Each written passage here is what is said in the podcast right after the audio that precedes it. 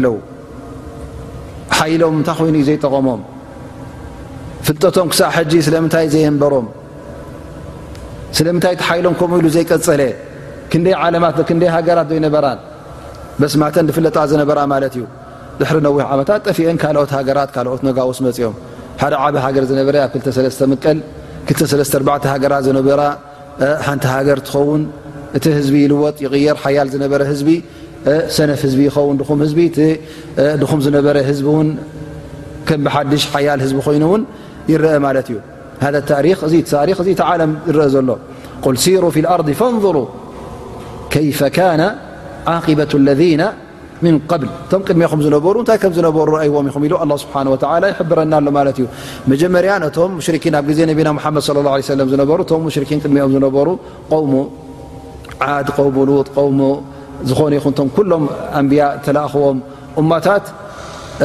ብዛዕባኦም ኩሉ ይፈልጥዎ እዮም ነሮም ይሰምዕዎ እዮም ነሮም ማለት እዩ ታሪክ እውን ኣለዎም እሞ ኣበይ ኣለው እቶም ዝሓለፉ ክሳዕ ሕጂ ዘይፀንሑ እንታይ ኮይኖም እዮም ትምህርቲ ድኦም ስኢኖም ሓይሊ ድኦም ጎዲሎም ካባኹም ድሕይሉ እውን ነሮም እነሀው ቆሙ ሳልሕ ትዝሰርሕዎ ዓድታት እንተዳሪኹም ዝሰርሕዎ ኣብ መንደቕ ኣብ ጎቦታት ኣብ እማን ዝፀርብዎ ዝነብሩ እንታይ ዝመስል ገዛውትን እታይ እዚ ይነት ዘይበሃል በቢ ዓይነቱ ፀፀሪቦም ዝሰርሕዎ ዝነበሩ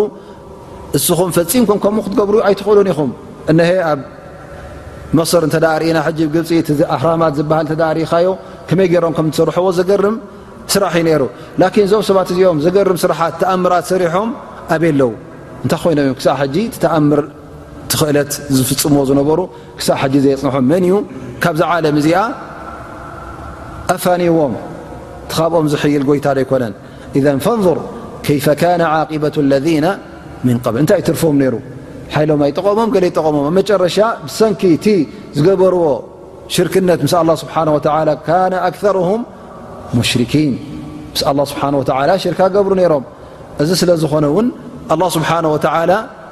ክሓድቲ ስለ ዝኾኑ ቅፂዕዎም ማለት እዩ ትናብረኦም ውን ክቕፅል ኣይከኣለን ተዓወቶም ቲ ሓይሎም ውን ኣይጠቐሞምን ኣብ መጨረሻ ኣላ ስብሓን ወተላ ንኹሎም ኣጥፊእዎም ማለት እዩ ላ ስብሓን ወተላ ካብ ታሪክ ንገዛእ ርሲ ክንመሃር እቲ ቅድሜና ዘሎ እቲ ዝሓለፈ ናብኡ ኣላ ስብሓን ወተዓላ ይውጅሃና ኣሎ ማለት እዩ ካብቲ ተገበረ ጌጋታት ምእንቲ ክንእረም ክንጥንቀቕ መለበሚ ኣይግበርካ መለብም እውን ኣይስእንካ እዩ ንስኻ ገዛእ ርስኻ መለበሚ ክትከውን ፅቡቕ ኣይኮነን ግን መለበሚ ክትረክብ ከለኻ እውን ንዓኻ እንታይ ኮነካ ማለት እዩ እዙ ዓብዪ ትምህርቲ እዩ ርኢኻ ትዕገስ ርኢኻ ትጥንቀቕ ርኢኻ እውን ኣስተምህሮ ትወስድ ማለት እዩ ተገበረ ጌጋ ክትደግሙ ክትደግሞ የብልካን ማለት እዩ ذ ه ስብሓ ወ ኩሉ ግዜ እቲ ዝሓለፈ ናይቶም ዝሓለፉ ብኦም ገይሩ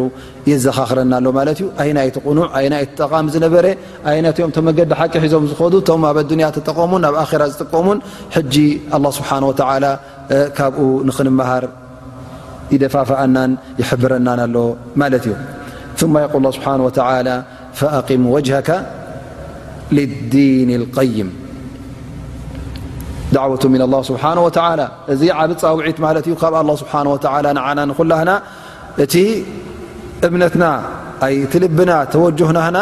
ናብ መን ክኸውን ኣለዎ ብሙሉእ ህወት ብሙሉእ ኣካላትናን ብሙሉእ ህወትናን ናብ መን ክንውጃሃ ኣለና ማለት እዩ ናብቲ ቅኑዕ ዝኾነ ዲን ንዕኡ ሒዝና ክንከይዳ ኣለና ናብ ጎይታ ኣላ ስብሓን ወተላ ነቲ ዝኣዘዘና ኩሉ ንምእዘዝ ካብቲ ዝኸልከለና ውን ንኽልከል ንቃለስ ውን ነቲ ዲን ኣላ ከነቑሞ ኣብ ኣነባብሮና ኣብ ውልቃዊ ኣነባብሮና ይኹን ኣብቲ ናይ ማሕበራዊ ኣነባብሮና ይኸውን ኣብ ኩሉ ነቲ ሸርዒ ከምቲ ኣላ ስብሓን ወተዓላ ዝሓበሮን ከምቲ ኣላ ስብሓን ወተላ ዝኣዘዞን ውሽጣውን ግዳማውን እምነትናን ውሽጣዊ ግዳማውን ስርሒትናን ኩሉ በቲ ናይ ኣላ ስብሓን ወተላ ትእዛዛት በቲ ሽር ኣላ ስብሓ ወላ ተቐይዱ ክኸይድ ከም ዘለዎ ንገብር ማለት እዩ ከምኡ ውን ንጓየ ነዚ ነገር እዚ እውን ክንጎያየ ሎ ኣለና ምክንያቱ ዕድሜና መዓስ ከም ዝውዳእ ኣይንፈልጥን ኢና ሎም መዓልቲ ኣለኻ ፅባሕ እውን የለኻን እነሀ ንግሆ ንግሆ ብዙሓት ኣሕዋት ምሳና ዝነበሩ ነፋንዎም ኣለና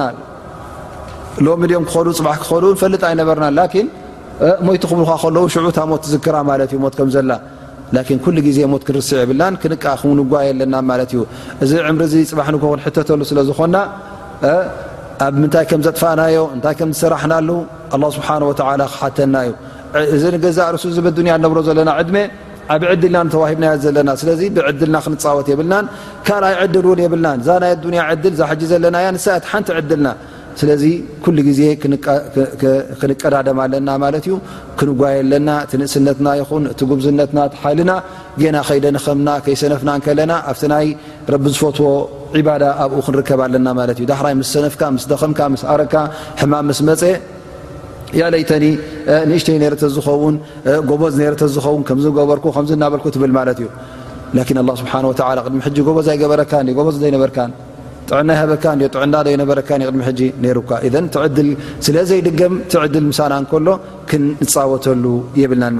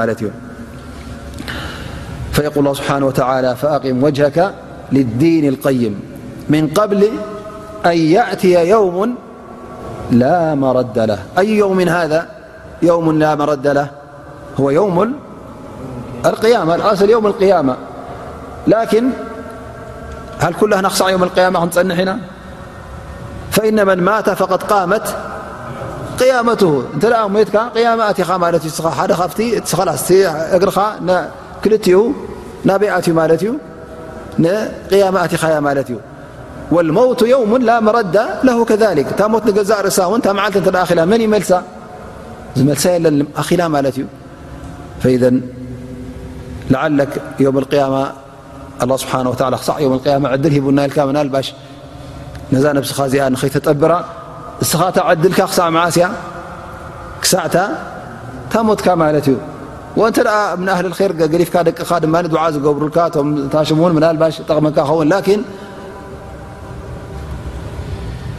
መን ኣሎ እዚ ነገር እዚ ጭብጢ ገይሩ ዝሕዘልካ ማለት እዩ ኣጆኻ ምስ ሞትካ ንና ሰደቃ ክነውፃልካ ኢና ንና ድዓ ክንገብረልካ ኢና እቲ ኩሉ ር ክንገብረልካ ኢና ኣብ ክንዳኻ ዝብለካ መን ኣሎ ሃ ገብሩልካ ም ኣይገብሩልካ ላ እተበልኻ ውን ርግፀኛ ኣይኮንካ ላን ባዕልኻ ክትገብሮ ከለኻ እዚ እቲ ዝበለፀ ማለት እዩ እዛ ኩን ኣ ስብሓ ሽሻይን ርዝቅን ሎሚ ሂቡካ ኣሎ ኮይኑ ፅባሕ ንግሆ ደቅኻ ምስ ሞትካ ሰደቃ ክኸውፅልካ ኢልካ ን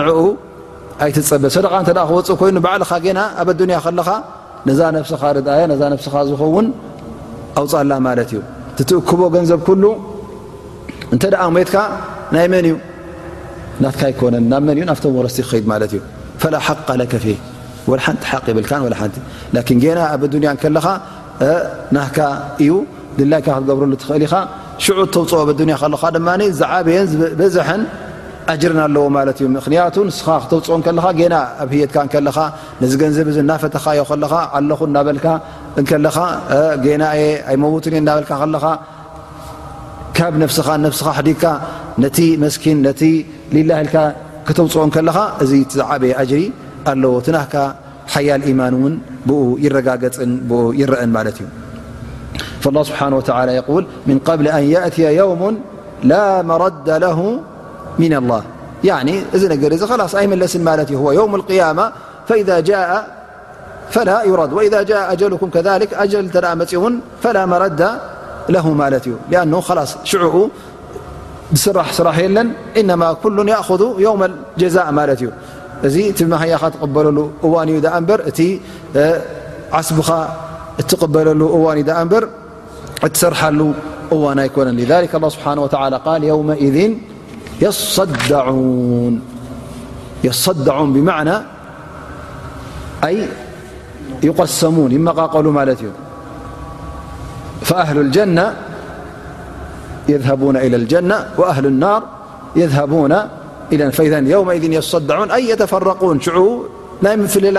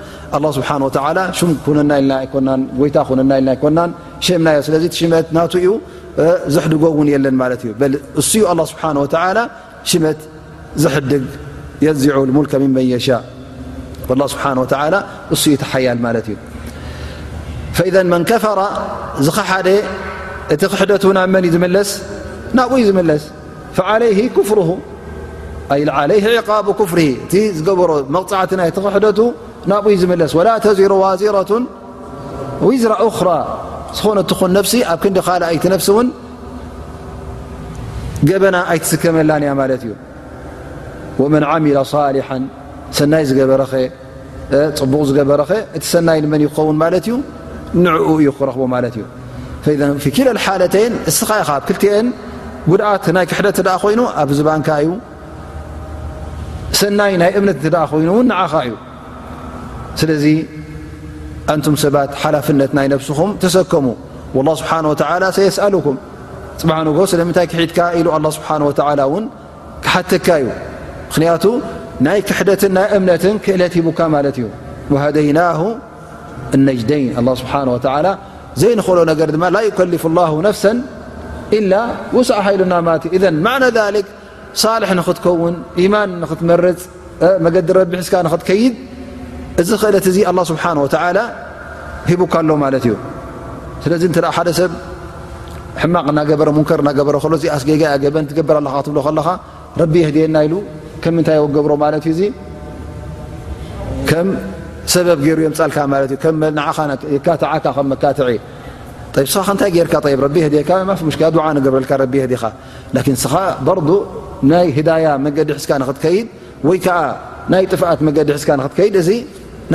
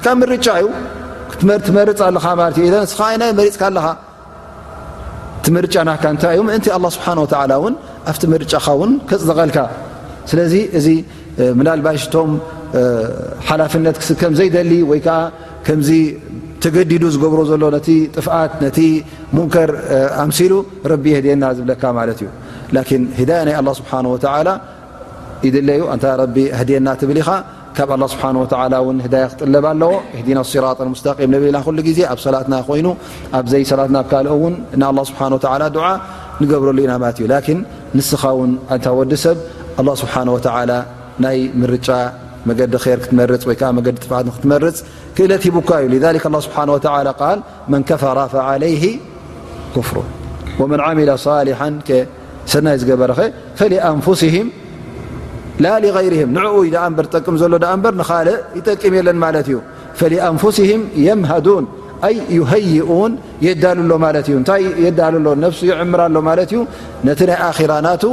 የፀባብቃ ኣሎ ማለት እዩ እዛ ዱንያ እዚኣ ትገብር ከለኻ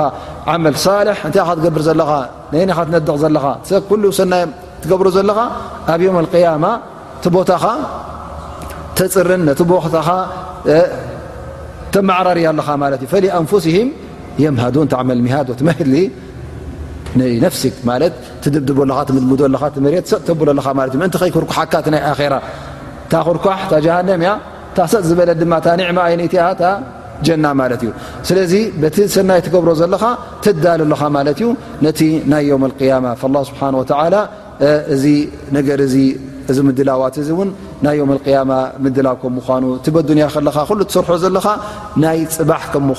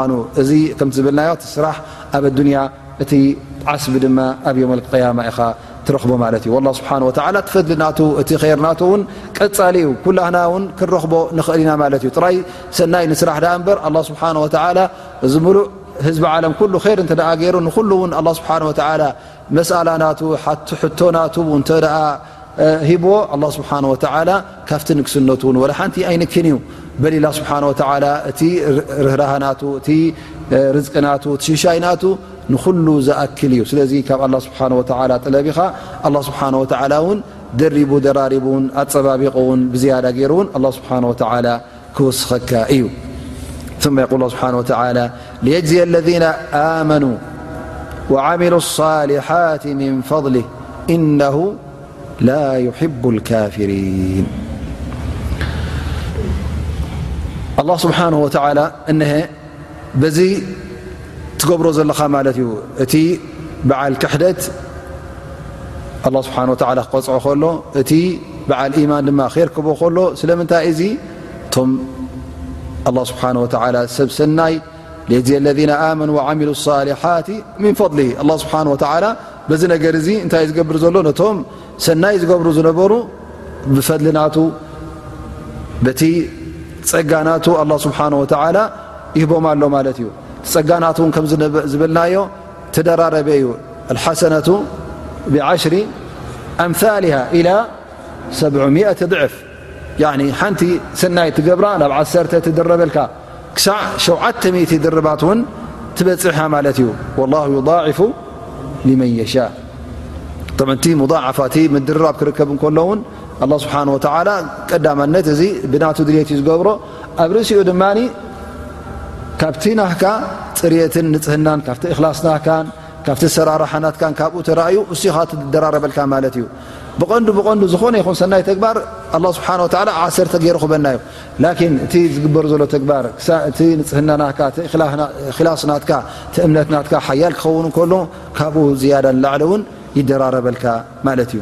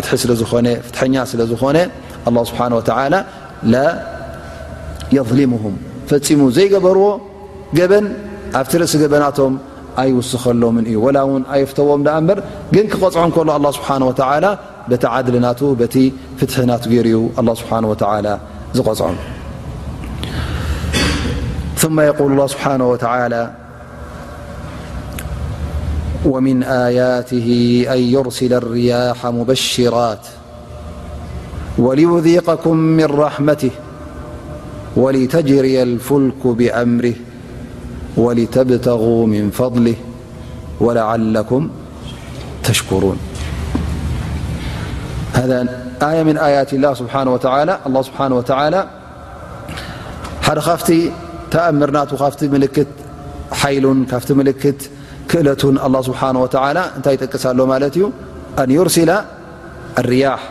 ንፋስ ክልእኽ እንከሎ ኣላ ስብሓን ወተዓላ እዚ ንፋስ እዚ ብዙሕ ራሕማ ሒዙ ዝመፅ ማለት እዩ ሊኣኑ እዚ ንፋስ እዚ እንታይ ይስሕብ ማለት እዩ ምስኡ ደበና ክስሕብ እንከሎ ግመ ክስሕብ እንከሎ እንታይ ሒዙ መፅ ማለት እዩ ማይ ሒዙ መፅ ማለት እዩ እዚ ማይ እዚ ንገዛእ ርእሱ እንታይ እዩ ኸይሪ ንገዛእ ርእሱ ሊኣን ቃል ኣላ ስብሓን ወተዓላ ሙበሽራት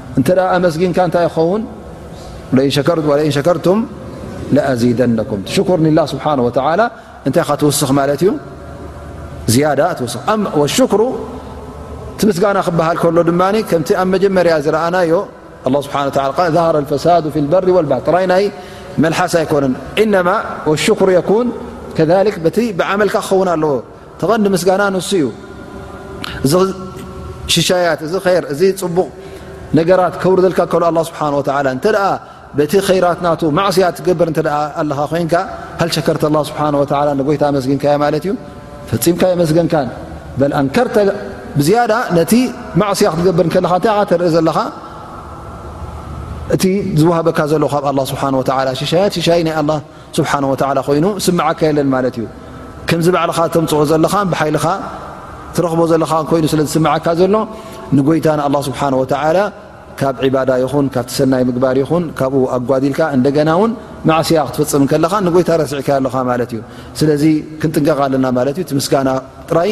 ናይ መልሓስ ክኸውን የብሉን ኣልሓምዱላ ብመልሓስ ትብል ተሽኩር ላ ስብሓ ወ ብመልሓስካ ሽኩር ላ ስብሓ ወ ትብል ንጎይታ ን ስብሓ ወ ተመስግኖ ግን እቲ ዝዓበየ ምስጋና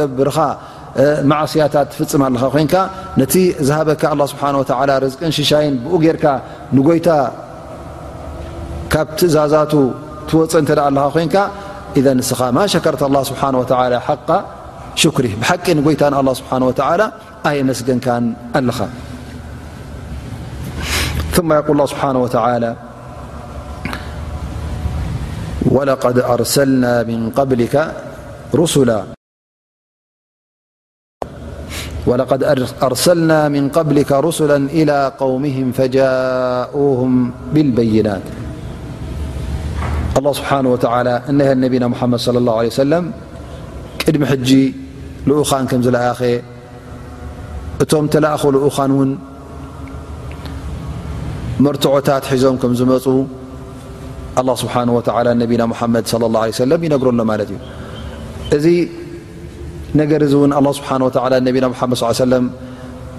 ክነግሮም እንከሎ ስለምንታይ እዩ ምናልባሽ ነቢይ ስለ ላ ለ ሰለም ቲዘጓንፎም ዝነበረ ናይቶም ህዝቢ ቁሬሽ እብትን ፅልእን ዕንቅፋትን ዝገብርዎ ዝነበሩ እዚ ነገራት እዚ ተደጋጋሚ ክረኽብዎ ከለዉ ምእንቲ ሓድሽ ነገር ንኸይመስሎም ወይ ከዓ